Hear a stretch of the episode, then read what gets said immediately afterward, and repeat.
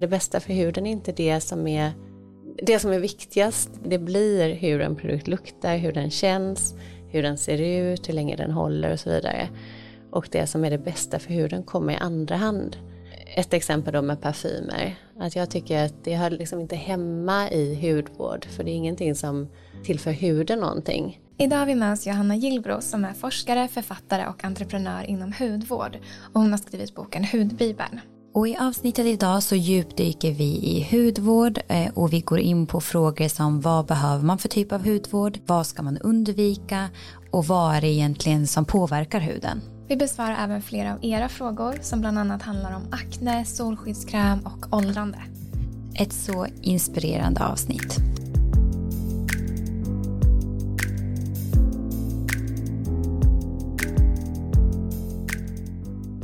Varmt välkommen hit Johanna. Tack så hemskt mycket för att jag fick komma. Ja, det är så kul att ha dig här. Och jag och Sanna har ju båda läst din bok Hudbibeln och blev förälskade i den. Ja. Eh, och ja, men du är forskare, författare och entreprenör inom hudvård. Kan inte du berätta lite mer om hur du kom in på den vägen? Ja, ja men huden kom jag in på på grund av att jag hade, eller har vitiligo. Ni kan se det till exempel på mina händer lite fortfarande. Ah. Eh, och det fick jag när jag var tre år, så det började med en fläck på magen egentligen. Och sen under barndomen så eh, ja men då älskade jag de här fläckarna som faktiskt bara blev fler och fler. Jag hade på knäna, armbågar, det är, det är ofta symmetriskt. Så har du på en armbåge så har du på den andra armbågen, har du på ena knät så har du på andra knät. Och mina föräldrar var helt fantastiska med det och, och eh, jag kände mig väldigt unik och det var ingenting alls som, eh, som var någonting negativt för mig. Men sen däremot när jag kom in i tonåren, då vill man ju inte vara så unik. Utan då vill man vara som alla andra. Och då, när jag var kanske, om man säger att det började, att jag började tycka det var jobbigt i 17-18 års åldern kanske. 16, 17, 18. Och då började jag hitta massa behandlingar, testade det som fanns och eh, även en transplantation av eh, frisk hud till, eh, till de här vita fläckarna då. Men ingenting fungerade, allting blev faktiskt värre. Så att eh, det gjorde att jag läste först apotekare och sen när, när jag var färdig med eh, utbildningen så kontaktade jag de forskargrupperna i världen som höll på med vitiligo. Och då eh, fick jag svar från en engelsk, eller hon, hon är tyska men hon jobbade i England. En professor som hade hållit på med hudcancer mycket och gjort vissa upptäckter som man kunde då använda inom vitiligoområdet. Och då åkte jag dit och doktorerade, så jag var i England i fem, eller jag var i England och Jordanien faktiskt till hälften av tiden. Och doktorerade då på vitiligo. Um, och det här var ju väldigt spännande var med då i en utveckling av en kräm som hon nu har behandlat över 10 000 patienter med där det gäller att minska oxidativa stressen i huden. Och eh, jag fick ju tillbaka allt pigment i ansiktet och eh, ja, men många av fläckarna fick jag tillbaka allt pigment helt enkelt. Ja men alltså wow. så coolt. Så, ja. ja, så det var, och det var ju en väldigt häftig resa och sen i och med det så blev jag, ja men dels att jag såg, jag träffade ju flera hundra patienter per år och blev så fascinerad av dels hur mycket vår hudkostym faktiskt betyder för oss socialt. När man hör andra patienters historia och eh, jag kan ju relatera till det själv såklart. Och sen att man faktiskt kan förändra, i det här fallet en hudsjukdom som egentligen man inte har forskat eller gjort så mycket med för det anses ju bara vara någonting som är kosmetiskt. Jag tycker det är så fint när du beskriver just det här också med acceptans ja. till att man inte behöver se ut som alla andra och just det här ja, med hur normerna i samhället är och det blir väldigt fint att kunna acceptera sig själv för hur man ser ut för ja. det är också, men kroppen det är ju kroppen, det är vårt verktyg. Och att allting behöver inte alltid se likadant ut. Nej. Så jag tror det finns en väldigt stor kraft i att kunna känna den acceptansen. Som i alla fall ett alternativ. eh, till en behandlingsform om man skulle vilja behandla men ändå ja, den acceptansen. Ja men verkligen och det, som sagt allting det handlar ju verkligen bara om hur, hur, man, hur man ser på det helt enkelt. Men verkligen. Och i Women's Sync har vi pratat väldigt mycket om, om en livsstil och kost mm. och hur alla de här delarna har en inverkan på kroppen. Mm. Men någonting som vi inte har pratat lika mycket om och det är därför du är här idag det är ju just huden. Mm. För huden är ju vårt största organ. Så bara om vi ska börja ja, med grunden. Hur, hur skulle du säga att huden är en reflektion av vår hälsa?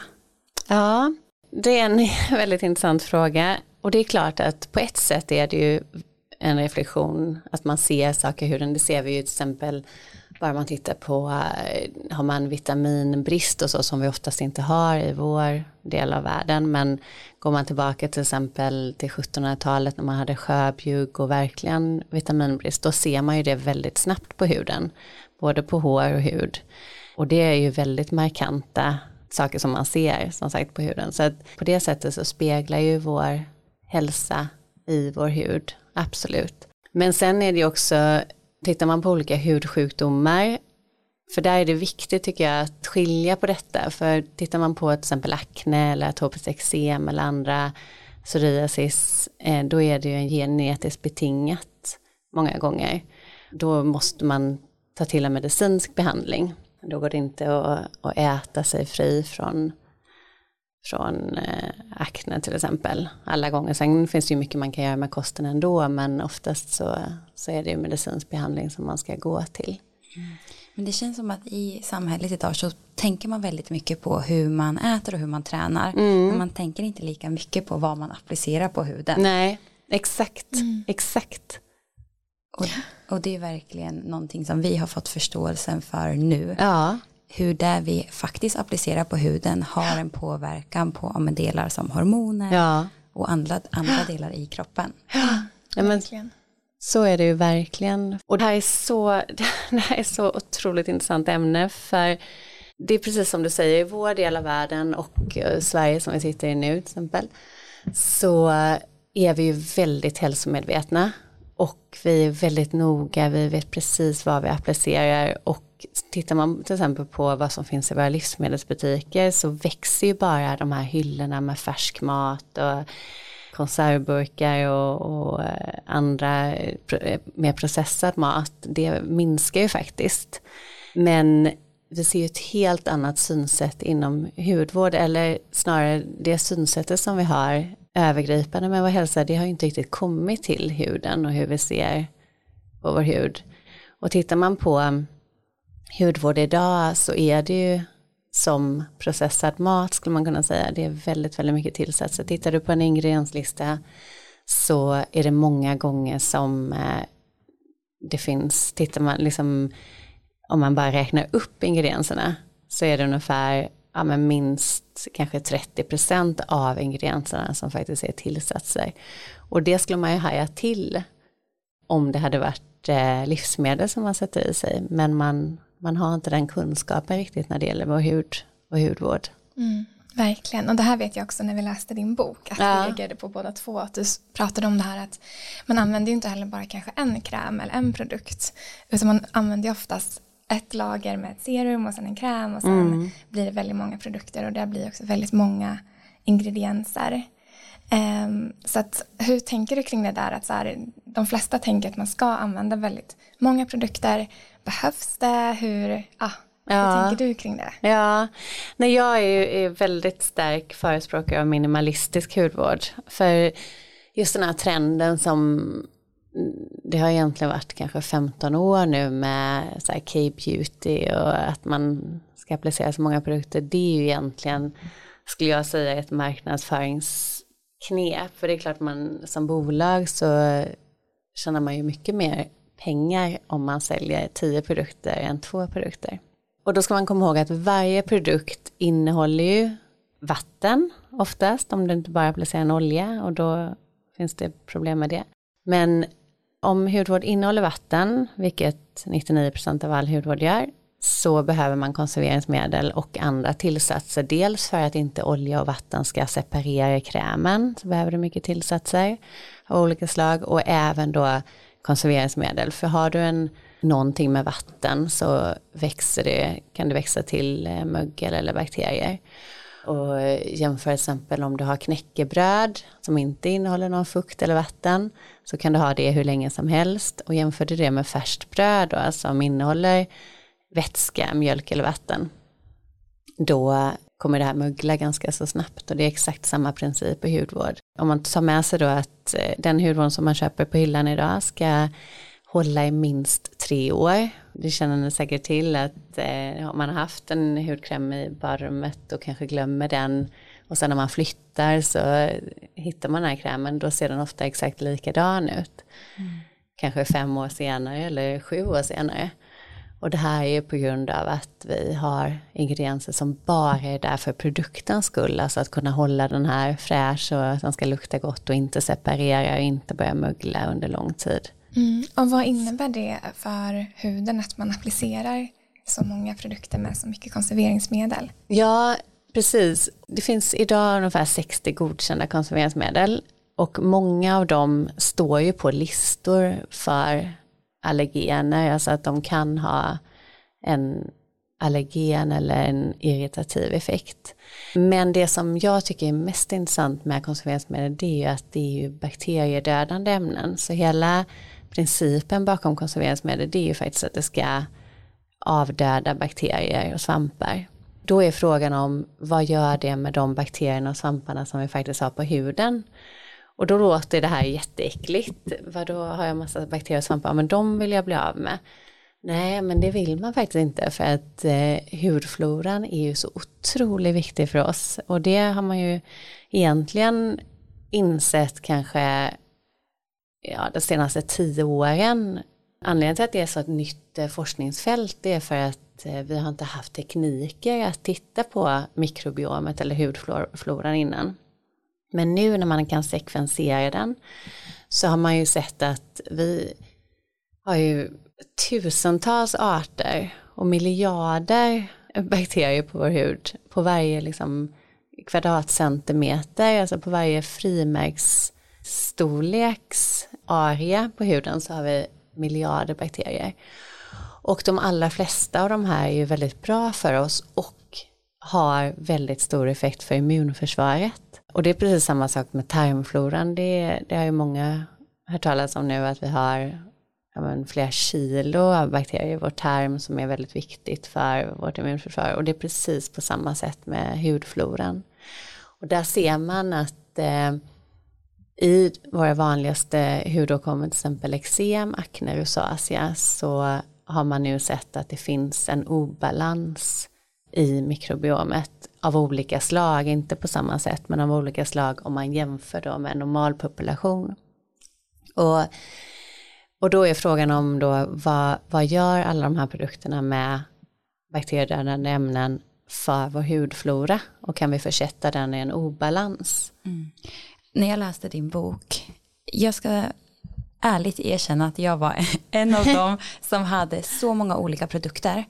Eh, och ja, men jag läste på och jag lyssnade vad alla andra gjorde och man hade en toner, det var serum och det var det här och sen skulle du ta BHA, alltså det var så himla många olika. Och det jag kunde känna när jag läste din bok, det var på någon, ja men någonstans en lättnad mm. i form av att vi behöver inte så mycket. Nej. Och när vi läste båda två det, det resonerade så starkt med oss. Mm. För att när du förklarade det på det sättet så blev det så enkelt och man hade inte tänkt på det innan. Men nu förstår jag att om jag lägger på fem olika produkter innan jag går och lägger mig, mm. hur mycket innehåller varje av den här produkten? Mm. Så på ett sätt kan jag verkligen känna en befrielse när du delar det här, för det, det förenklar. Mm. Mm. Verkligen. Och också just kopplat till marknadsföring, hur stor påverkan det faktiskt kan ha. Ja. Och sen ska ju alla såklart göra det som känns bra för dem. Men med mig resonerade det här väldigt starkt. Mm. Men jag tycker också så här utifrån att man läste boken och utifrån hur, reklam och marknadsföring ser ut så det är väldigt olika fokus. Att så här, marknadsföringen fokuserar ju på bara egentligen vad får du för visuella resultat. Mm. Inte hur mår din hud eller vad absorberas i din hud, alltså Nej. hur mår du på sikt, eller vad gör det här med eh, bakteriefloran.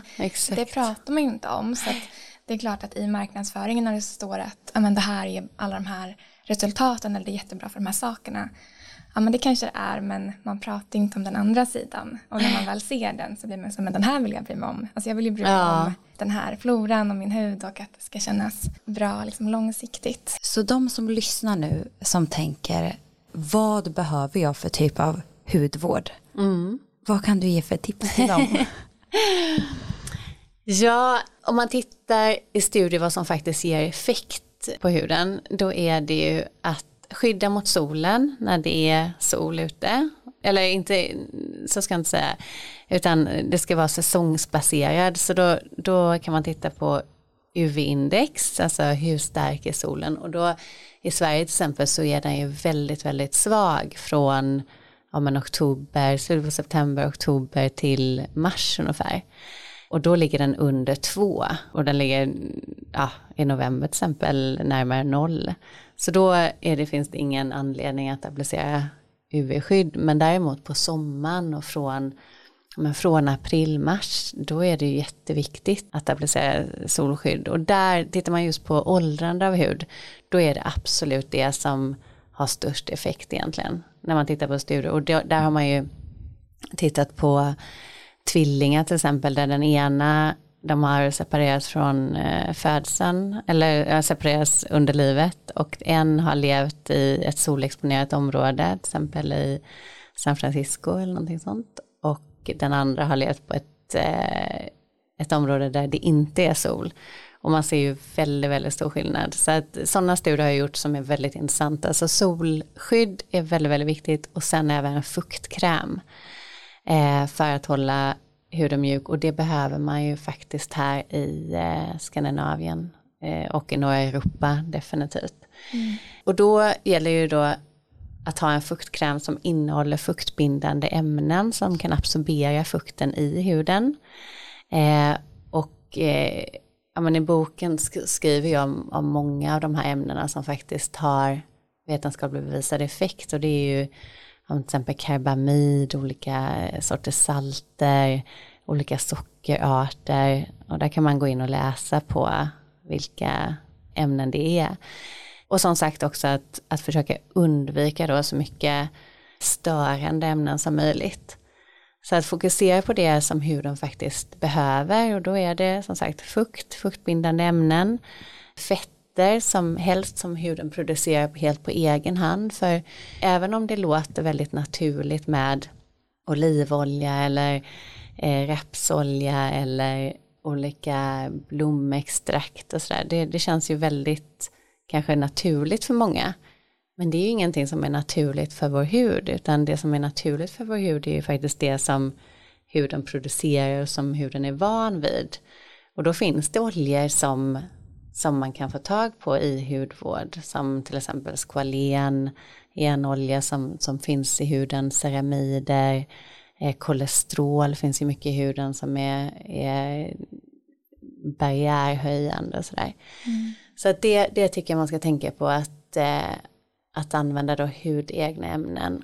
Och sen vill man jobba liksom med exempel men förebygga åldrande eller jämna ut hudtexturen då finns det aktiva ämnen som, som gör det. Men då tycker jag man ska ha dem på natten. Så i vårt i Skinom till exempel, då har vi ju nattkoncentrat som man blandar ut i fuktkrämen.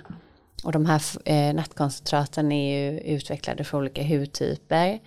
Och då innehåller de till exempel aktiva ämnen som vitamin A, alltså retinol, som finns också i huden helt naturligt.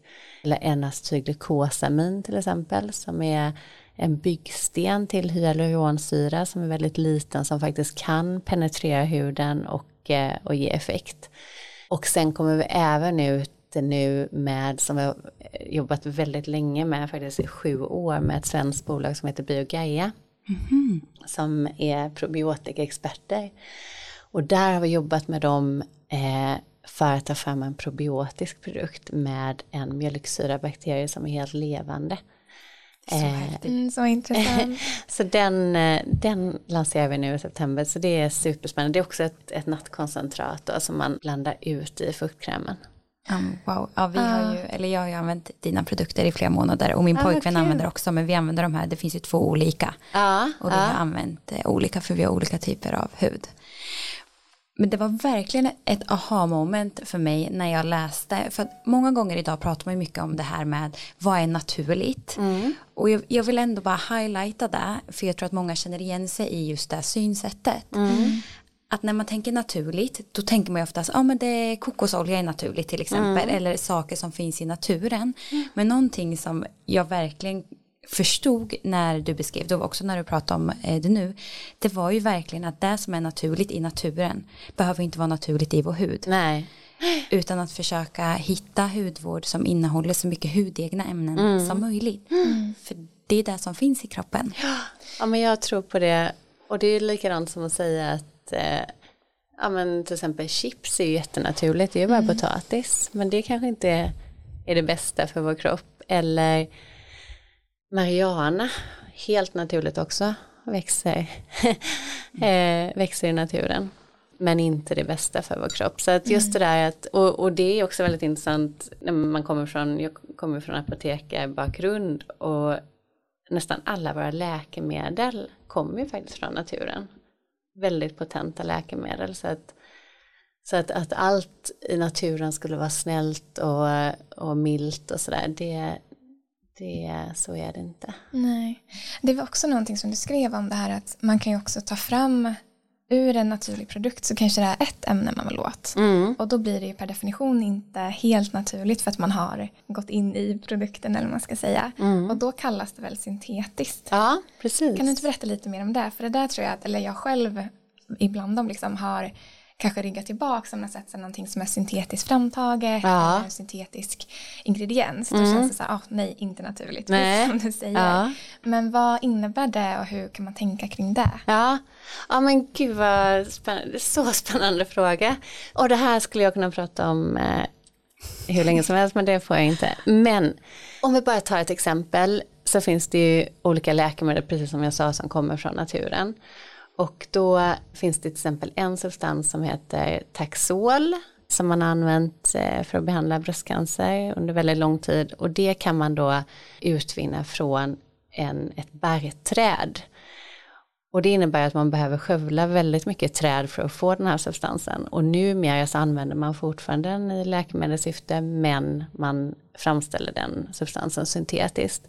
Och så här är det med många, många läkemedel. Och precis på samma sätt är det i hudvård. Alltså, vi har ju till exempel salicylsyra. Det är ju en syra, en BHA-syra som används väldigt mycket. Man använder den också för att minska oljeproduktionen. Den används mycket i akne eller i hudvård för aknedrabbad hud. Och det här salicylsyra det har man använt i över 2000 år. Ser man i texter och för att behandla många olika hudår kommer man behandla till exempel väldigt väldigt torr hud också med om man om ni har sett eh, fotkrämer så innehåller det mm. ofta salicylsyra också. Eh, så att den har, den har absolut en, en eh, stark effekt. Och den extraherar man då från pilträd. Men numera så gör man ju inte det utan man framställer den syntetiskt. För det är onödigt att, att skövla så mycket mm. träd för att få tag på den här. Men i mång, mycket hudvård och hudvård som marknadsförs som naturligt så använder man ju extrakt då från olika, man, det kanske står att man använder pilträ men man får så väldigt lite av den här aktiva substansen då i det här fallet till exempel salicylsyra som man vill ha och sen kanske det är tusen andra ämnen som du inte har någon kontroll över.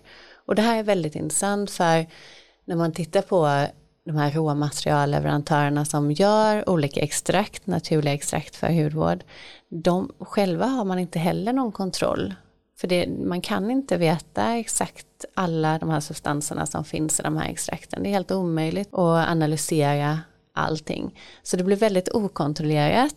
Och tittar man också på naturlig hudvård så är det ju faktiskt där man också ser flest reaktioner för det är så okontrollerat. Man har ingen aning om vilka ämnen som man faktiskt applicerar på sin hud. Så jag tycker det är mycket, mycket säkrare och mer miljövänligt att eh, framställa substanser syntetiskt. För då vet man ju också precis vad man får och man kan säkerställa att det är den dosen som, eh, som man vill ha. Om vi tittar på till exempel retinol eller vitamin A, då framställer ju den syntetiskt. Skulle vi ta den från naturen då skulle vi behöva använda hur mycket mjölk eller ägg som helst eller lever som faktiskt innehåller vitamin A eller retinol. Mm. Det här är så intressant. Ja, så utifrån det du säger, för jag kan tänka mig att många känner igen sig i det du berättade Sara, att man ryggar tillbaka mm. när någonting är syntetiskt. Mm.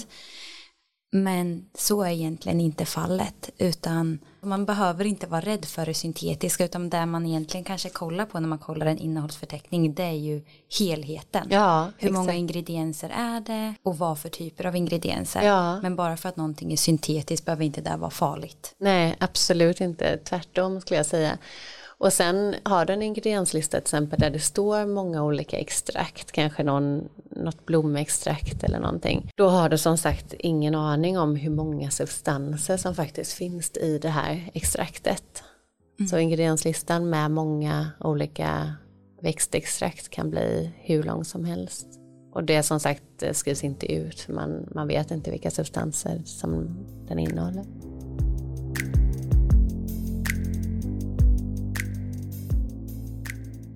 I dagens avsnitt vill vi tacka vår magiska sponsor Holistic som är ett ledande hälso och kunskapsbolag som vill hjälpa människor att bli mer friska, medvetna och känna balans i livet. Mm. Och En av anledningarna till att vi älskar Holistic är ju att de har egen produktutveckling som är baserad på den senaste forskningen och att de har de renaste och mest effektiva kosttillskotten i sitt sortiment. Och Sanna, vi båda har ju faktiskt en personlig koppling till Holistic där vi bland annat har varit med och tyckt till om deras nya grafiska profil. Mm. Och min dröm innan jag eh, startade VS, eller innan vi startade VS, var ju faktiskt att jobba på Holistic. Jag älskar verkligen vad de står för och jag har använt deras produkter i så många år. Yes. Och idag vill vi tipsa speciellt om magnesium som är ett näringstillskott som vi själva använder varje dag. Och magnesium är faktiskt med i över 300 olika processer i kroppen och har en viktig funktion när det kommer till just menscykeln. Mm. Det här är ju någonting som vi pratar väldigt mycket om i VS-boken.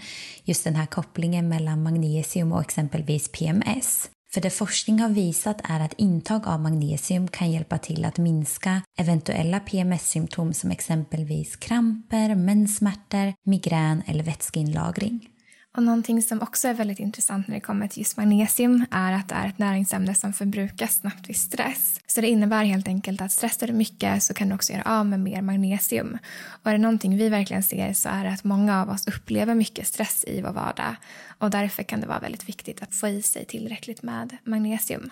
Ja, verkligen.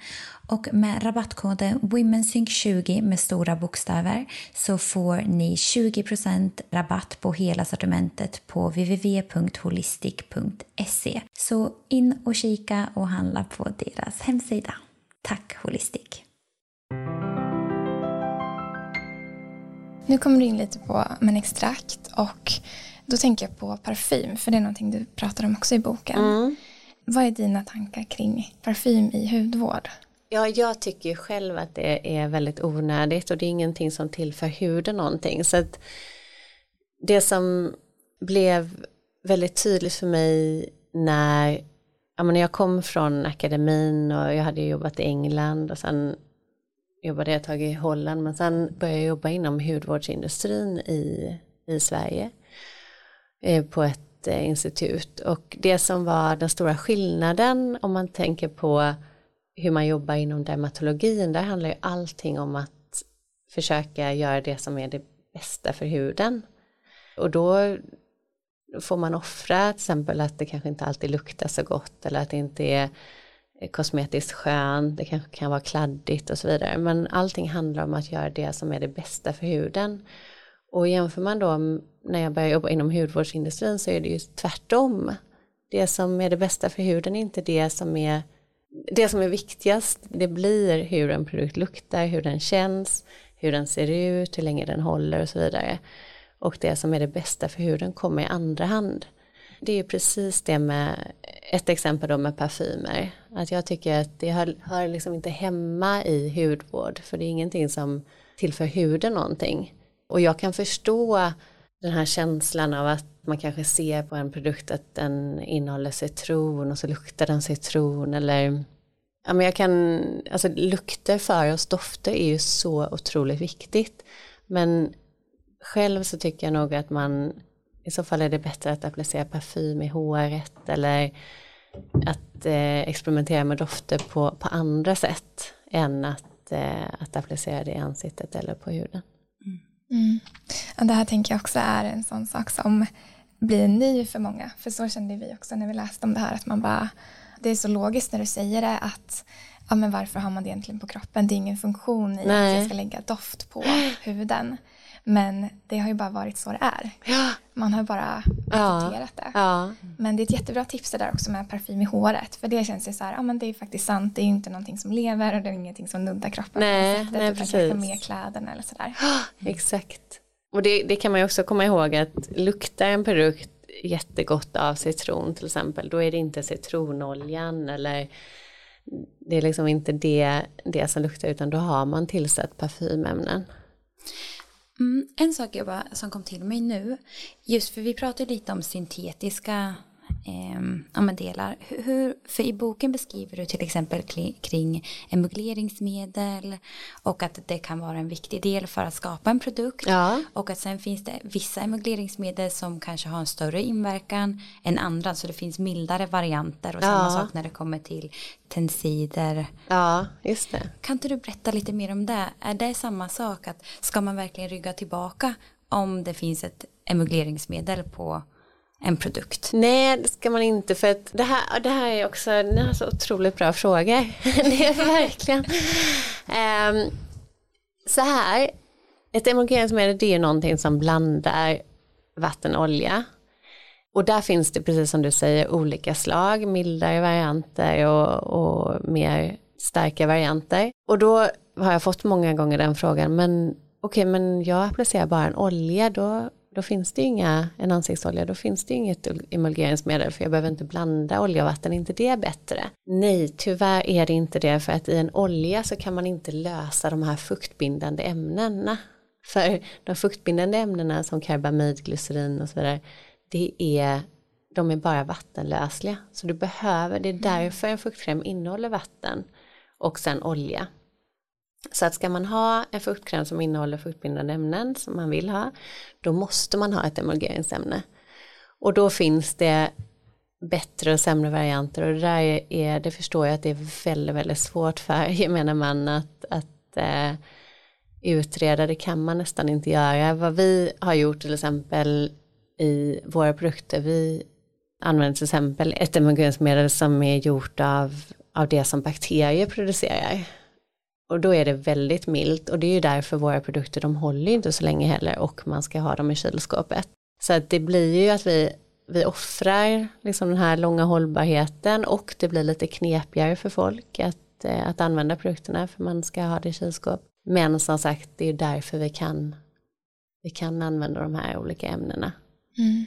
Ja men det är jätteintressant. Eh, du var inne på C-vitamin, du nämnde retinol och ja. lite andra saker. Bara för att sammanfatta, så här, vilka ämnen fungerar när det kommer till hudvård? Du har nämnt fukt och nämnt retinol. Ja. Vilka mer är liksom ja. faktiskt fungerande som man kanske ska titta efter? Ja, det som, är, som jag skulle säga som finns mest studier på nu det är ju Retinol finns ju faktiskt väldigt mycket studier. Sen är det knepigt med retinol. Retinol är också vitamin A, det är samma sak. Och varför är det så knepigt? Jo, för att retinol är väldigt instabilt. Så att skulle man ha en burk med retinol och öppna den under en lampa eller utomhus eller ha den länge i till och med rumstemperatur då skulle retinolet brytas ner väldigt snabbt. Och därför så de allra flesta produkter idag innehåller derivat av retinol när man har lagt på en ester för att göra det mer stabilt. Och då till exempel så finns det retinylpalmitat, det är absolut vanligaste. Och de här molekylerna är mycket större, i och med att man har lagt på en ester så blir de mycket större själva substansen, än vad retinol är och då är det svårare för dem att penetrera huden och ge effekt. Så att eh, ska man verkligen ha effekt av retinolet då behöver man ha de här små molekylerna som retinol, hudeget retinol och det finns ju helt naturligt i huden också. Och använder man det och vitamin A-syra det är ju läkemedelsklassat så det finns ju till exempel i, i det som många kanske känner igen som Roacutan som man äter för, Eh, för akne men det finns också i, i läkemedelsbaserad form vitamin A-syra då heter det tretinoin. Eh, men inom kosmetiken så är det då eh, byggstenen till vitamin A-syra och det är retinol som man använder. Så att vi har ju retinol i våra nattkoncentrat men då är det ju eh, att vi rekommenderar kylskåpsförvaring för vi har ju sett också att det bryts ju ner om man har det länge i, i badrummet eller till och med en månad i badrummet bryts det ner. Mm. Så att eh, retinol absolut, om det används på rätt sätt så är, ger det verkligen effekt. Och sen vitamin C, väldigt liknande där, det bryts också ner väldigt, väldigt snabbt. Så vi hade ett ett, en studie nu som vi gjorde med KTH och vi såg eh, även där att vitamin C bryts ner väldigt snabbt och det, det är allmänt ved, vedertaget också. Så att även där så bör man eh, ha det i kylskåp. Och vad vi, vi, direkt efter produktion så kyler vi ner alla produkterna och har det i kylrum för att det inte ska brytas ner. Så vitamin A, vitamin C fungerar men det är väldigt viktigt hur det förvaras. Eh, sen har vi andra substanser som, eh, som det finns studier på. Det är till exempel N-acetylglukosamin. Eh, det är byggstenen till hyaluronsyra och den är också en liten molekyl som kan tränga ner i huden och ge effekt. Men sen finns det även ja, min, olika mineraler som man har använt eh, under lång tid och det kan man komma ihåg att kalcium, zink till exempel, eh, mangan, Eh, speciellt kalcium och zink har man sett eh, fina effekter och det används i väldigt mycket hudvård. Och de är helt stabila, så där behöver man inte oroa sig för att det ska brytas ner. Och likadant med syror, nu tycker jag att man ska akta sig för för mycket syre, men som till exempel salicylsyra i väldigt låg dos. Det ger ju fina effekter och salicylsyra är väldigt stabil, även niacinamid är väldigt stabilt. Men många andra substanser lämpar sig liksom inte riktigt för traditionell hudvård just för att det bryts ner i rumstemperatur. Jag tänker att vi ska djupdyka lite i eh, hur det vi applicerar på huden mm. kan ha påverkan på våra hormoner. Mm. Kan inte du berätta lite mer kring det här sambandet? Ja, jag tror att vi kommer upptäcka mycket liksom efterhand. Det finns ju vissa substanser som eh, man har sett är hormonstörande som till exempel olika kedjor av parabener som man nu har frångått och det finns även ämnen i, i plastförpackningar som, eh, som är hormonstörande. Olika ämnen i solskydd, UV-filter, där har man också sett en hormonstörande effekt. Men det här är ett område som, som man forskar väldigt mycket på så det kommer säkert eh, fler substanser som man ser har den här endocrine disruptor effekt som man pratar om. Sen hur mycket som faktiskt, det där är väldigt oklart fortfarande, hur mycket som faktiskt penetrerar in i systemet. Egentligen så är det ju så att enligt lagstiftningen så, så får inte kosmetik påverka systemet, alltså det får inte komma in i blodbanan utan det ska bara lägga sig utanpå. Men sen hur mycket som faktiskt går in, det är inte bolagen själva som forskar på det utan det, det behövs ju andra instanser som gör det. Och ett ämne som man har sett faktiskt att man kommer ut i urinen, man kissar alltså ut det, det är oxybenzon som är ett UV-filter mm. som man ska hålla sig ifrån tycker jag. Och det är fortfarande godkänt i Europa även om man är ganska restriktiv. Så, och, och speciellt in, i USA använder man det fortfarande ganska mycket. Så att eh, ett tips är att inte eh, köpa solskydd helt enkelt från bolag som är amerikanska. Mm. Mm. För där använder man ofta de här lite äldre substanserna just för att substanser som är lite nyare de eh, många av dem är inte godkända i USA än. Okej. Jag tänker också på just det här med minimalistisk hudvård. Hur ser din rutin ut eller vilken rutin skulle du rekommendera? Alltså, ska man tvätta och rengöra både på morgon och kväll? Hur mycket ska man liksom hålla på? Har ja. tips där? ja, jag... Eh, först ska jag nog säga så här att det, är, det, det, här är väldigt intressant för att det är varje hudvårdsbolags dröm egentligen att, att hitta liksom den exakta signaturen för vad huden producerar.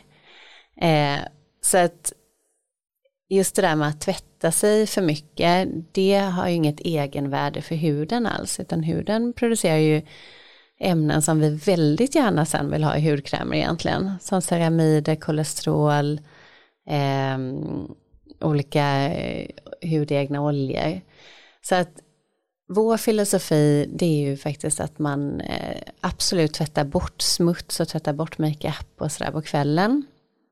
Och då ska det räcka med ett steg, du behöver inte tvätta flera gånger eller ha dubbelrengöringar och sådär, utan det ska räcka med ett steg. Och sen att man låter huden vila på morgonen, kanske bara sköljer av med ljummet vatten och sen applicerar en fuktkräm.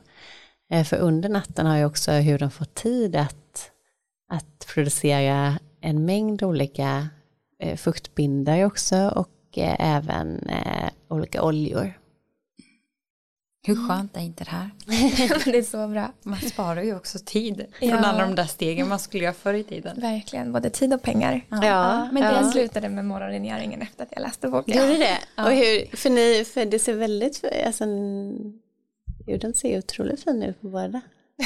det känns bra och det jag skulle säga för att många gånger när man rengjorde ansiktet på morgonen mm det är ju som hela ansiktet blir stramt för att man blir så torr. Ja. Och jag förstår ju att kanske företag vill att man ska göra det. För mm. då behöver man ju också använda de här andra produkterna ja. för att mm. få tillbaka fukt. Exakt. Ja, för mig, jag har lite mer oljig hud ja. och mer så här ja, men alltid haft lite så här, hur får jag mindre pormaskar eller porer och sådär. Mm. Så jag har ju alltid tänkt innan jag lärde mig mer om hudvård att jag behöver ju verkligen tvätta och inte för mycket fukt och inte för mycket oljor. Mm. Men när jag har testat att göra precis tvärtom, att snarare ha en superfukt, alltså superfukt på kvällen och inte tvätta på morgonen mm. så har jag sett mycket bättre resultat. Ja. Så det är också det här att man har också haft idéer om vad som ska vara rätt. Mm. Och sen helt plötsligt så upptäcker man något nytt som funkar mm. mycket bättre. Det är ja. jättekul. Ja, vad intressant. Mm. Nej men sen, sen tror jag som sagt på ja, rengöring på kvällen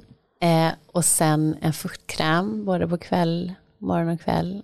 Och eh, som sagt vill man ha lite aktiva substanser så använd det på kvällen.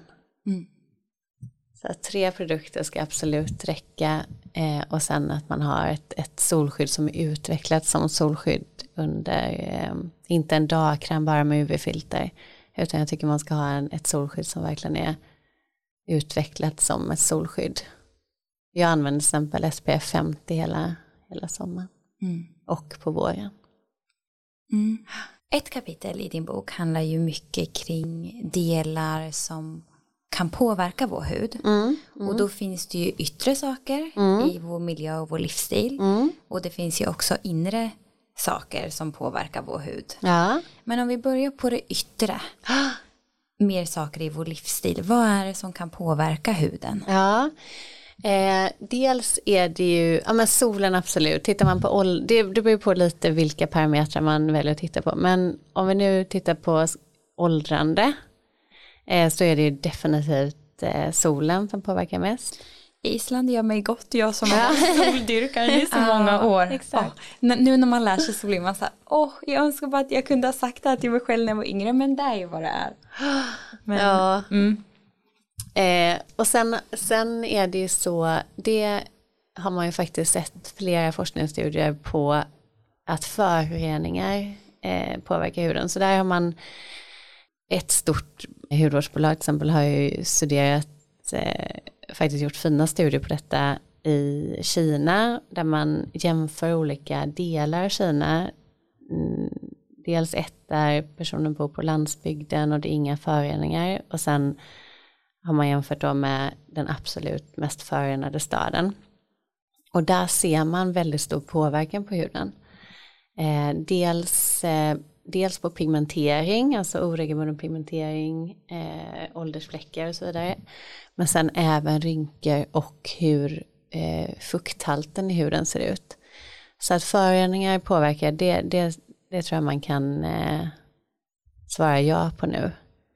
Eh, så det är yttre faktorer såklart. Mm. Eh, och sen påverkar ju absolut vad vi äter. Så att tittar man på eh, tarmen så har vi ju en absorption av egentligen av väldigt många ämnen och mycket av det det ska ju gå ut till alla organ och också huden.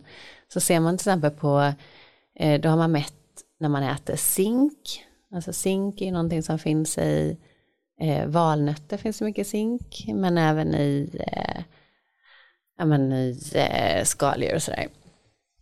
Och då har man sett att 6% av allt zink som vi äter kommer faktiskt ut i huden. Oj. Så där är det viktigt att få i sig rätt mineraler och rätt vitaminer. Det, vad vi äter påverkar absolut. Eh, man har även gjort studier på, det finns ett begrepp som heter senolytics och senolytics är, handlar om hur cellerna åldras mm. Eh, när vi åldras och de går in i liksom mer passiva stadium, både i huden och även i andra, liksom i hela vår kropp. Och där har man sett att vissa ämnen som finns speciellt i frukt och grönt eh, faktiskt kan mot, alltså minska den här senescensbildningen. Och då kan det vara till exempel ett ämne som heter fisetin som finns i äpple eh, och äppleskal och sen andra ämnen som finns i jordgubbar och eh, eller grejfrukt, Ja, det finns, jag har en lista i boken på olika ämnen som, eh, som man har sett då i olika cellstudier eh, motverkar senescens. Så absolut, vad vi äter spelar ju faktiskt eh, absolut roll för huden. Eh, och sen har man ju sett också att eh, till och med träning och sömn, det, det är inte för intet att vi, att vi pratar om eh, skönhetssömn, för det, det har faktiskt effekt för, för vår hud. Och det är ju också melatoninet som bildas eh, när, när det är mörkt under de mörka timmarna. Eh, det har väldigt stor effekt för, eh, för vår hud. Jaha, det känner jag inte alls till. Nej. Ja, jätteintressant. Det är en kraftfull antioxidant. Hur, hur, tänker du kring till exempel stress? För du pratade just ja. om det här cellernas åldrande ja. och ja, men oxidativ stress.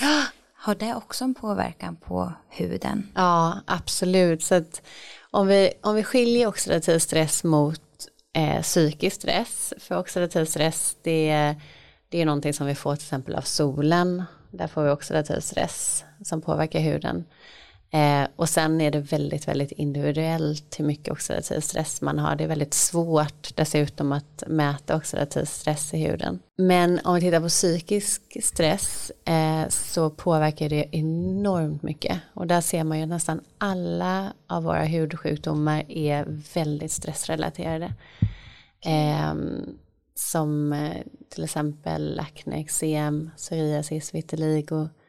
Um, alla egentligen eh, väldigt ofta, rosacea, perialdermatit också, står direkt i relation till stress.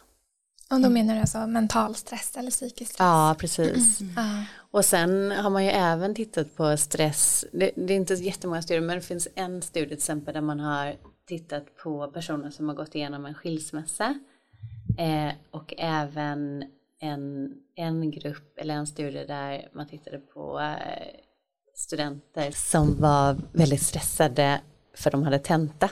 Mm. Eh, och så jämförde man då med de andra, liksom normalpopulation och man såg att, att hudens fuktighet faktiskt var påverkad i de personerna som var stressade, att man fick en torrare hud.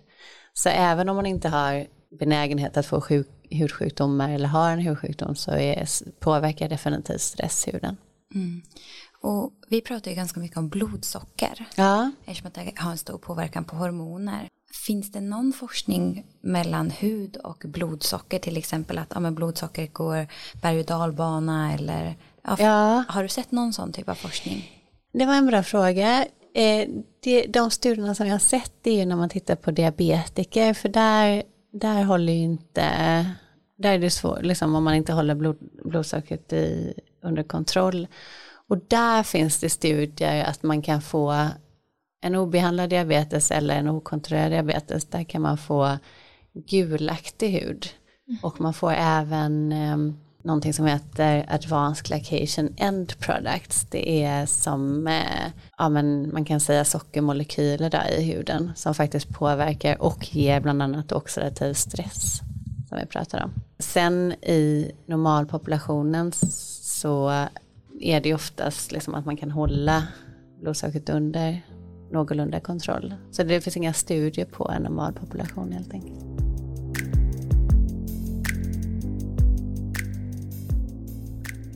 I dagens avsnitt vill vi tacka vår fantastiska sponsor Skinom som gör färsk hudvård. Och Skinom är grundat av hudforskaren Dr. Johanna Gillbro som även har författat bästsäljande boken Hudbibeln. Ja, och vi läste ju den här boken i början på året och båda vi blev ju helt frälsta. Och både du och jag Sara använder ju deras produkter men du använder ju den för en oljig hud medan jag använder för en normal hy och nej men vi älskar dem båda två. Verkligen. Och det här konceptet är ju faktiskt baserat på mer än tio års forskning och deras produkter utvecklas i ett laboratorium i Stockholm. Och som man kanske kan gissa utifrån beskrivningen så är det unika med färsk hudvård att det inte innehåller några konserveringsmedel, onödiga tillsatser som parfym eller färgämnen. Och därför har också deras produkter kortare hållbarhet, precis som färska livsmedel. Och man ska förvara dem kylt. Mm. Och är det någonting som vi inspireras av Skinom så är det just att de har en minimalistisk filosofi vilket innebär att man använder få produkter i sin hudvårdsrutin med korta ingredienslistor så att man inte överbehandlar huden. Och det här kan jag känna är väldigt befriande för innan så har man ju också pratat mycket om att man ska ha så många olika produkter. Ehm, så att nej, jag älskar verkligen det här och för att göra sina produkter så naturliga som möjligt för huden så fokuserar Skinom på att använda hudegna ingredienser vilket är substanser som finns naturligt i vår hud så att vi kan boosta med deras egna supersmarta funktioner. Mm. Och vi har fått äran att dela med oss av en rabattkod till alla er på Skinnams fantastiska produkter. Så om ni uppger koden WomenSync med stora bokstäver så får ni 20% rabatt på deras hemsida och koden gäller till och med 26 i tionde. Om ni vill läsa mer om Skinnam så gå in på skinnam.se. Vi tänker att vi ska prata vidare lite om akne. Du har mm. nämnt det mm. ett par gånger och vi har fått jättemånga frågor från ja. communityn om ja. akne. Det var verkligen efterfrågat. Mm. Eh, och det är många i vår community som lider av akne och som till exempel äter p-piller för att undvika men som kanske egentligen inte vill göra det. Ja. Eh, vad är dina tankar kring akne? Ja men det där är ju, det där är ju absolut eh, den, den eh, mest vanliga sjukdomen överlag. Så att i USA till exempel och säkert kanske i Sverige också så är det ju den vanligaste orsaken till att man besöker sin läkare. Mm. Inte bara när det gäller hudbesvär utan överlag så är det akne. Wow. Så att det är ju definitivt någonting som väldigt, väldigt många lider av. Det är precis som du nämnde det här med p-piller att eh, det är många som blir hjälpta av det. Sen brukar hudläkare vara ganska restriktiva med att skriva ut p-piller just för, för akne. Eller det kanske är olika olika skolor men, men jag har ju en podd med eh, Petra Kjellman som är hudläkare och, eh, och där har vi flera avsnitt om just akne så att där kan man lyssna i flera timmar om man vill om, om akne. Det är bra tips.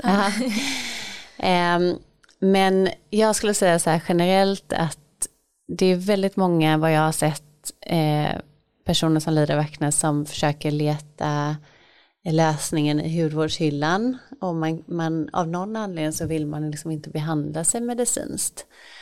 Och det där skulle jag vilja verkligen slå ett slag för att botanisera inte i hudvårdshyllan utan sök medicinsk hjälp och gör det, eh, gör det ganska direkt egentligen. För det finns olika alternativ, mildare och starkare eh, och håller man på för mycket, det har jag sett väldigt mycket exempel på, håller man på mycket i och liksom hittar egna lösningar i hudvårdshyllan, då kan det ofta bli värre. Ibland om man använder fel hudvård. Och man kan också få ärr och ärr är väldigt, väldigt svårt att behandla sen senare i livet. Så att det är bättre att, eh, att söka läkarvård. Och då som sagt så finns det olika, olika varianter av krämer som man kan använda eller tabletter. Jag har själv inte haft akne så jag är inte jätteinsatt i det här. Men är det någon skillnad på, jag vet inte om man kan säga vanlig akne och hormonell akne. För jag vet att det är många kvinnor i vår community som säger att varje månad vid samma tid ja. så upplever jag det här. är det samma sak eller är det någon skillnad på dem? Ja, det, det ter sig ofta på lika, likadant sätt. Att man får varbildningar och man får ömma eh, ömma prickar så att säga. Men hormonell akne sitter ju ofta brukar man säga att det är ganska lokaliserat kring hakan. Eh, ofta är det så. Och sen är det ju så att de här talgkörtlarna de är väldigt känsliga för hormonsvängningar. Så att, eh, att hormonell akne där är det ju svårt att eh, då gäller det liksom helt enkelt att försöka balansera hormonerna. Mm. Så ett alternativ om det är så att man upplever hormonell akne, mm. då handlar det egentligen om att balansera hormoner. Ja, precis. Mm. Mm. Och annars om det kommer till liksom livsstilsförändringar och kost och så, har du sett mm. någon koppling där till akne? Ja, precis. Det finns vissa studier. Det finns ju populationer som har ätit en väldigt traditionell diet som man har tittat på, eh, till exempel öar utanför Japan där man aldrig haft en aknepatient till exempel. Eh, och sen när man eh, introducerar mer västerländsk kost så, så ser man eh, så ser man då eh, mer utbrott av akne. Men sen är det också viktigt att säga att när man har akne så har man ju oftast en genetisk benägenhet att få det. Så att, att skylla på kosten och eh, man ska inte känna någon skuld tycker jag i mm. att, eh, eh, att allt handlar om kosten. För det gör det absolut inte. Sen finns det vissa studier som visar att eh, mjölkprodukter till exempel kan förvärra akne. Så där skulle man kunna testa sig fram och då gäller det inte bara att välja laktosfritt utan då, då, ska man, då, då måste man gå helt ifrån mjölk för det är mjölkproteinet i sig som man har sett påverkar då eh, IGF som är en tillväxtfaktor som, eh, som man eh, har sett är viktig i, i eh, utbrott av akne. Och sen, men sen finns det andra studier som också tittar på eh, att man kan minska kolhydrater eh, och minska socker eh, och sådär. Så att jag, jag, tycker man kan testa sig fram. Det som, det som man eh, ja, men faktiskt har sett är just det där med mjölkproteinet. Så att det, det kan vara värt att, att eh, försöka hålla sig från mjölk. Mm. Och jag vet att det var många som skrev att de har upplevt att man har fått akne senare i livet. Ja. I vuxen ålder eller efter 25. Mm. Vad är det då? För du pratar ju om den här genetiska orsaken. Mm. Men vad händer då? Ja, men det Eller kan är det också... kopplat till hormoner kanske? Typ att någonting förändras i hormonerna desto äldre man blir? Ja, det kan det också vara. Sen kan det också vara det kan ju vara genetiskt betingat också även om det kommer senare i livet. Mm. Det kan mm. det absolut vara.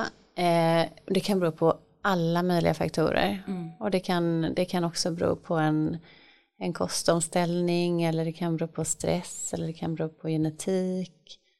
Eh, det kan bero på hormonerna. Så det, det där är jättesvårt att svara på. Mm. Och det, jag förstår att det är utmanande för de som har akne för att det är ju så komplext ja. när det kommer till hälsa och alla delar har ju en påverkan på varandra. Ja. Så även om man skulle vilja ha det här är lösningen eller säg bara att det är den här delen jag ska förändra så är det ju många gånger inte så det fungerar Nej. oavsett vilken förändring eller utmaning vi har. Precis. Utan det är ju oftast alla de här delarna. Och det är ju det är väldigt svårt för jag bara tänker på det här med mjölken eller sådär. Ja, men om man avstår mjölk på grund av mjölkproteinet då får man inte heller, om man tittar på yoghurt till exempel, då innehåller det probiotika. Och probiotika eller vissa stammar av mjölksyrabakterier har man faktiskt sett eh, minskar eller förbättrar akne. Så att eh, det där är så svårt, slutar man helt att äta yoghurt och mjölkprodukter då får man inte heller i sig den här probiotikan. Men samtidigt då kanske man kan börja äta mer surkål och, och fermenterad mat. Mm. Eh, så att det, det är väldigt, väldigt svårt det här med kosten och det finns väldigt få studier också som är kontrollerade för det är så svårt att, att ha kontrollerade studier när det gäller, när det gäller kost. Mm. Mm, jag förstår. Och vi har ju varit inne lite på det här kring vilka typer av produkter man ska använda men också hur man kan tänka när det kommer till att förebygga åldrande. Ja. Och just det här med åldrande och anti-aging känns på ett sätt som en ganska laddad term. Ja. För någonstans i samhället känns det också som att det finns ett motstånd till att åldras ja. fast att det är en naturlig del av livet. Ja. För det är det ju verkligen. Men Jo, så åldrandeprocessen, hur man kan förebygga det, då var det till exempel, om du bara skulle sammanfatta, då var det det här med sol, alltså skydda sig mot solen, så finns det vissa aktiva substanser man kan använda sig av. Ja. Men en annan del som är ganska stor idag är ju just det här med till exempel ansiktsbehandlingar. Man kan göra hur många behandlingar som helst. Mm. Vad är dina tankar där? Kan det hjälpa att förebygga åldrande exempelvis? Ja, eh, jag tror så här, en, en ansiktsbehandling bara med olika krämer och massage och sådär någon gång i månaden, det tror jag inte har så stor effekt för att förebygga åldrande. Utan det är mer vad du gör varje dag, vad du applicerar på huden varje dag. Och det ska man ju verkligen komma ihåg att vår hud mår ju egentligen bra av, av precis det som hela vår kropp mår bra av. Eh, alltså att eh, äta bra, eh, sova, eh, stressa mindre. Huden är ju väldigt, väldigt, väldigt påverkad av, av vårt psyke och av alla substanserna som som eh, vår hjärna faktiskt, alltså huden är också, står ju direkt i kontakt med hjärnan. Man brukar ju kalla, man brukar prata om eh, eh, skin brain gut axis, alltså tarmen, hjärnan och huden, att de står direkt i kontakt. Och så är det verkligen, så att huden påverkas enormt mycket av dopamin, serotonin, adrenalin, alla de här neurotransmitterna som vår hjärna faktiskt frisätter. Mm. Um, som avslutande bara på det här med ansiktsbehandlingar och så. Mm. Jag är nyfiken på, det finns ju också vissa behandlingar som är mer ja, men djupgående eller vad man ska säga. Alltså typ ja. laser, det finns microneedling, sådana saker. Ja. Ja. Är det någonting du liksom känner till eller har någon åsikt kring? Eller vad tänker du kring det? Ja, lasrar kan ju fungera till exempel att ta bort Ja men bara tittar man på pigmentering av åldersfläckar och sådär så kan absolut laser ta bort det. Eh, och, va, och, och, eh, verka i behandlande syfte. Absolut. Eh, microneedling, det, det, har jag som, som huvudforskare har lite svårt för microneedling. Sen, eh, för det, det handlar ju om att du gör små hål i huden och sen ska det då boosta en kollagenproduktion men, men huden är ju där för att skydda oss och vi ska absolut egentligen, hela poängen med huden är att det ska absolut inte blir några hål i den. Eh, så, så microneedling och också i många hudsjukdomar, till exempel vitiligo då, så är man väldigt känslig för eh, dels mekaniskt tryck men även liksom att skada huden. Och det här kan förvärra eh, speciellt vitiligo men även andra hudsjukdomar. Då pratar man om någonting som heter köbnefenomenet, alltså att man, man faktiskt aktivt skadar huden. Och det gör man ju via en microneedling. Sen är det ju väldigt, väldigt populärt vad jag förstår. Eh, så att man får ju absolut välja själv och märker man fina resultat av det. Men, men som sagt, jag, jag skulle nog vara lite restriktiv när det gäller att göra hål i huden. Mm. Och jag tänker på att vi ska avsluta med några frågor från vår community som ja, vi har fått. Ja, spännande. Och du har varit inne lite på det här så jag har velat ställa den här frågan innan. Men jag tänker just det här kring solskydd. Ja. Det är någonting som många har frågat kring. Eh, och då var det en tjej som ställde, behöver man verkligen solskydd om man är försiktig och inte bränner sig? Ja, jätteintressant fråga. Eh, om man håller sig borta från, alltså här ska jag säga. Eh, jag tror att tittar man då på den här kurvan, liksom hur stark sol vi har under året, så även om man befinner sig i skuggan i juli så är det, väl, så är det betydligt mycket starkare UV-strålar som du får om du jämför med om du går ut en hel dag i november. Så att just det där, även om det är molnigt på sommaren och du, du sitter i skuggan så eh, har du definitivt en påverkan på huden eh, under sommarmånaderna. Så att det är väldigt svårt att, att helt undvika UV-strålarna utan att ha ett solskydd. Så jag tycker nästan att just i, under sommarmånaden bör man absolut ha det ändå. Eh, sen ger ju absolut liksom att sitta i skuggan, att ha en hatt, att ha stora solglasögon, att ha kläder på sig, det är också jättebra såklart. Du behöver inte, har du en svart topp som du har idag till exempel så behöver du egentligen inte ha solskydd under det. Så att eh, kläder skyddar ju absolut men det är svårt att ha kläder i ansiktet. Mm. Mm. Och när det kommer till då vilken solkräm man ska välja. Ja. Du nämnde till exempel att vissa solkrämer innehåller ett ämne som inte är speciellt bra. Eh, och nu sista tiden har man också fått upp ögonen lite mer för det här med kemisk versus fysikalisk ja. solskyddskräm. Mm. Och ja, hur ska man navigera mellan dem? Ja, och det där är jätte, jätte, jättesvårt. Eh, vi har utvecklat nu ett solskydd under ett års, ja, under vad blir det? Ja, det kommer bli ett, nästan två års tid och vi kommer lansera det precis i början på nästa år. Men solskydd är jättesvårt. Eh, jag skulle säga att eh, många av de här kemiska filtrerna eh, som man kanske är rädd för det är bland annat skulle jag säga oxybenzon, oktykryllen eh, eh och även andra små molekyler som faktiskt kan tränga in i huden. Det ska man akta sig för, men, och det är svårt att veta, hur ska jag veta det då? Men eh, väljer man ett solskydd från de här stora eh, solskyddstillverkarna, till exempel eh, La Roche-Posay, eh, Aven, de har jobbat med solskydd väldigt, väldigt länge och har eh, större kemiska molekyler som, inte, som man inte ser någon penetration genom huden, man kan inte titta det i urinet och så vidare. Så att jag tycker det är bäst att välja ett, ett solskydd som har kemiska filter som då är de här nyare och då kan man säga att de här bolagen eh, jobbar då med de här nyare europeiska kemiska filtrerna. Men det är väldigt bra att kombinera det med fysikaliskt skydd. Och Ska man bara ha fysikaliskt skydd, då blir det de här barnprodukterna som man blir helt vit av. Och det skulle man säga, om man bara tänker på huden, vad som är bäst för huden, ja men då skulle jag nog också välja de här med zinkoxid och titaniumdioxid, alltså de här som är utvecklade för barn. Men man blir ju helt vit av dem, så det, det, det kan vara svårt eh, från den här kosmetiska vinkeln. Eh, så det bästa tycker jag är att kombinera de här nya europeiska kemiska filtrerna med eh, fysikaliskt skydd. Och då fysikaliskt skydd är ju titaniumdioxid och zinkoxid.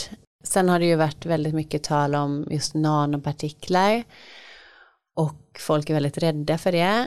Eh, och har man produkter med som, man in, som i sprayform, för att det har man sett att nanopartiklar kan verkligen skada lungorna. Så det är ingen bra idé att liksom in, innan, in, andas in de här nanopartiklarna.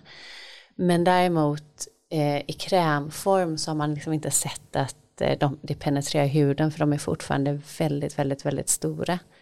Eh, och det är liksom inte, ja, det har en kemisk karaktär som gör att de, att de lägger sig på hudytan. Mm. Ja, solkräm är någonting som är svårt att hitta någon som är bra och som också känns bra på ja, kroppen. Ja. Det är verkligen en utmaning har man känt nu när man har kommit hem. Mm. Och där ska man komma ihåg att, att eh, UV-filter i sig, att, att, att, jag, att utveckla solskydd, det är, det är som sagt eh, det är väldigt svårt. Och eh, man behöver mycket av de här UV-filtrerna och de behöver speciella oljor för att lösas in i.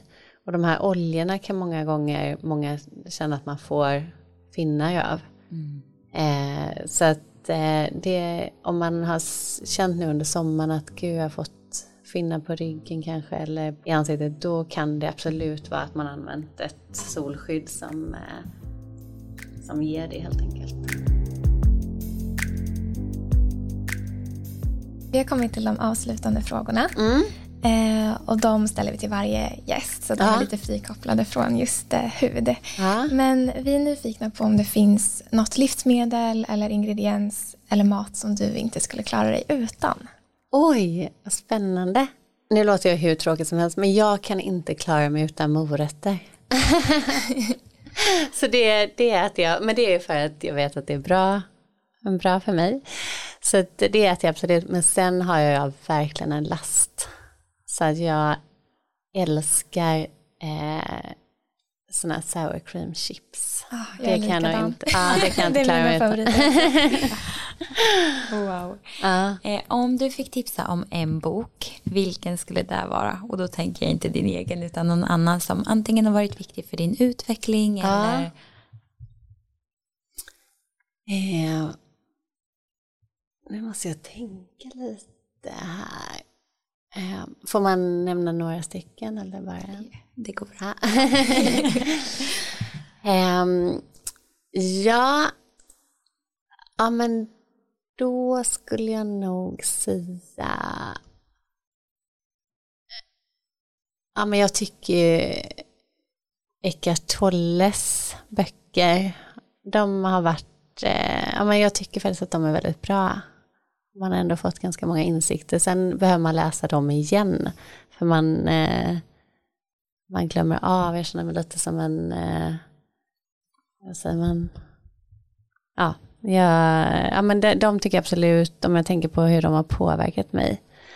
Eh, och jag läser faktiskt nu eh, Agneta Sjödins bok Så in i själen, tycker jag är superbra. Det kan jag absolut tipsa om. Eh, och, eh, och nu läser jag en bok från Michael A. Singer, nu kommer jag faktiskt inte ihåg vad den heter men... Den heter ju nästan Så in i själen ah, och jag kan inte uttala så, det. Ah. Unfared Soul. Uh, untethered kanske? Ja, jag, ja. jag, lyssnar, jag, läs, jag läste den boken för tre år sedan. Ja, okay. Men nu lyssnar jag den på ljudbok på svenska också. Ah. Den är, Vad tycker du? Nej, den är helt magisk.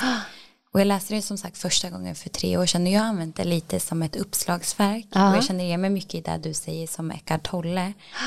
Det känns också som att vissa böcker kan man läsa flera gånger för att man utvecklas ju. Ja, precis. Och att när man skalar, skalar av vissa saker eller man går djupare i sig själv så när man läser någonting som man redan har läst ja. så kan det ha en helt annan innebörd. Ja men, men så är det absolut för att jag läste de här Eckart eh, ja men säkert, vad kan det ha varit då, ja men det är säkert 20 år sedan och jag hade ingen behållning av det då. Men nu, eh, nu läser jag det på ett helt annat sätt. Det är det som är fint med böcker. Mm, verkligen. Verkligen. Ibland är man inte redo för en bok helt enkelt. Nej. Ja. Um, vi pratade lite om stress och att det också har en påverkan på hud och mm. på så mycket i vår kropp egentligen. Ja. Det är ju verkligen uh, har sån impact. Så vad är din bästa go-to när det kommer till återhämtning? Ja, eh, oj, har, har ni de här frågorna till alla? Mm. Ah, um, till återhämtning, åh oh, gud, nu eh, får jag tänka lite. Ah, det är inget du får tänka hur mycket ah, du vill. gud vad um,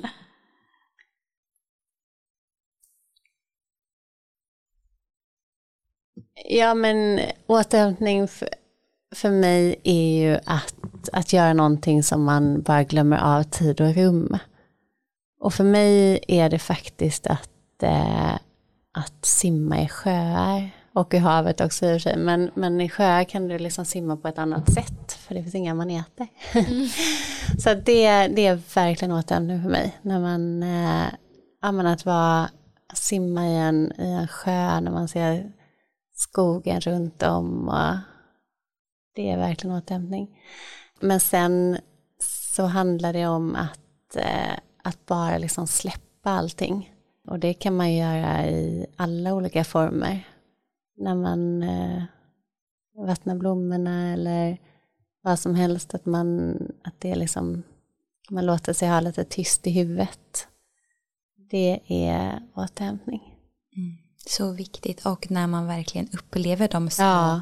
ögonblicken för det går inte att planera för det. Nej, nej precis. Men att verkligen mm. ja, förstår återhämtande. Och så har vi den sista. Om du fick ge dig själv ett råd till ditt 16-åriga jag, vad skulle det vara? Ja, det skulle vara att, eh, att inte oroa sig.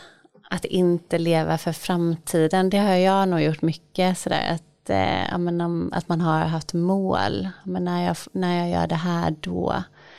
Och det tror jag många, många känner igen sig Så det skulle vara att, eh, att sluta oroa sig. Och verkligen, om jag ser tillbaka på liksom mitt 16-åriga jag och ja, med den tiden från kanske 20 till 30. Problemen fick så himla stora proportioner. Och det var så synd att, att det tog så mycket kraft och tid eh, från en. Så att jag skulle nog säga att oroa, sluta oroa sig. Mm. Vilka bra avslutande ord.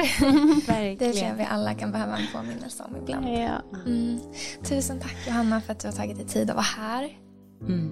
Tack så jättemycket för att jag fick komma. Det var supertrevligt. Verkligen, Verkligen att få träffa er.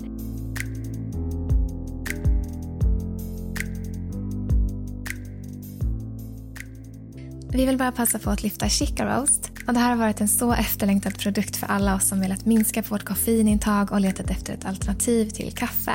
Vi vet ju hur viktig den första koppen kaffe är på morgonen för många och nu har vi äntligen hittat ett riktigt gott alternativ. Mm, jag tycker Chicaros påminner om kaffesmaken men med inslag av choklad och lite sötma. Och jag älskar att dricka den med skummad mjölk eller lättvispad grädde. Då kommer verkligen de här lite chokladiga tonerna fram. Mm. Nej men det är bästa kombon. Och chicarost är gjord på roten cicoria som har rostats till ett pulver som man enkelt blandar med hett vatten och så blir det den här fylliga drycken. Och det bästa av allt är att den är helt koffeinfri, den är fri från tillsatser och den är ekologiskt producerad i Europa. Och du hittar chicarost på vår hemsida womensing.se.